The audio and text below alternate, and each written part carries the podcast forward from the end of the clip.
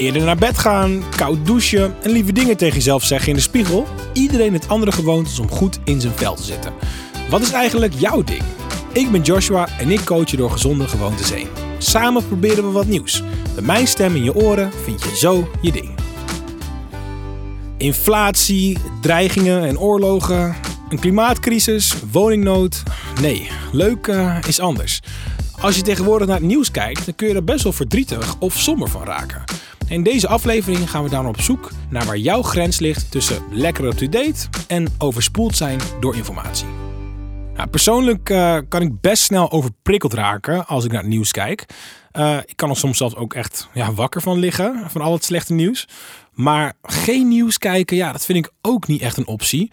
Ik vind het wel gewoon belangrijk om op de hoogte te zijn van ja, wat er gewoon gebeurt in de wereld, weet je. Dus gelukkig heb ik iets gevonden um, waardoor ik dat nog steeds best wel goed kan zijn. Een tijdje geleden heb ik namelijk een totale nieuwsstop gedaan. En nee, dat is niet de oplossing, het is slechts een begin. Een nieuwstop kan voor één dagje, maar ook voor wat langer als je daar behoefte aan hebt. En door helemaal geen nieuws te kijken, ja, dan weet je even weer hoe het voelt om ja, niet overprikkeld te zijn. En dat kan heel erg fijn zijn. Ja, hierna heb ik het stapje voor stapje weer opgebouwd. Ik begon bijvoorbeeld met vijf minuten per dag uh, ja, even een nieuwsapp lezen. Daarna merkte ik dat ik s'avonds ook nog wel het 8 uur journaal kon kijken.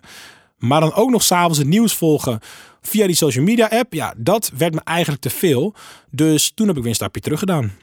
Het kan ook helpen om andere vormen van nieuws uit te proberen. Uh, krijg je normaal gesproken bijvoorbeeld nieuws mee via social media, maar vind het eigenlijk niks? Nou, probeer dan eens een keertje de krant. En dan kan je gewoon al die andere social media accounts kan je gewoon gaan ontvolgen. En misschien is de krant wel helemaal wat je nodig hebt. Nou, en als je het niet probeert, dan kom je er niet achter. Dus probeer het. Op deze manier kun je net zo lang uittesten met hoeveelheden nieuws en vormen van nieuws, totdat je zoiets hebt van ja, dit is voor mij perfect. Je sweet spot die kan natuurlijk altijd veranderen. Dus het kan geen kwaad om deze oefening, net als ik, ook vaker te doen. Succes!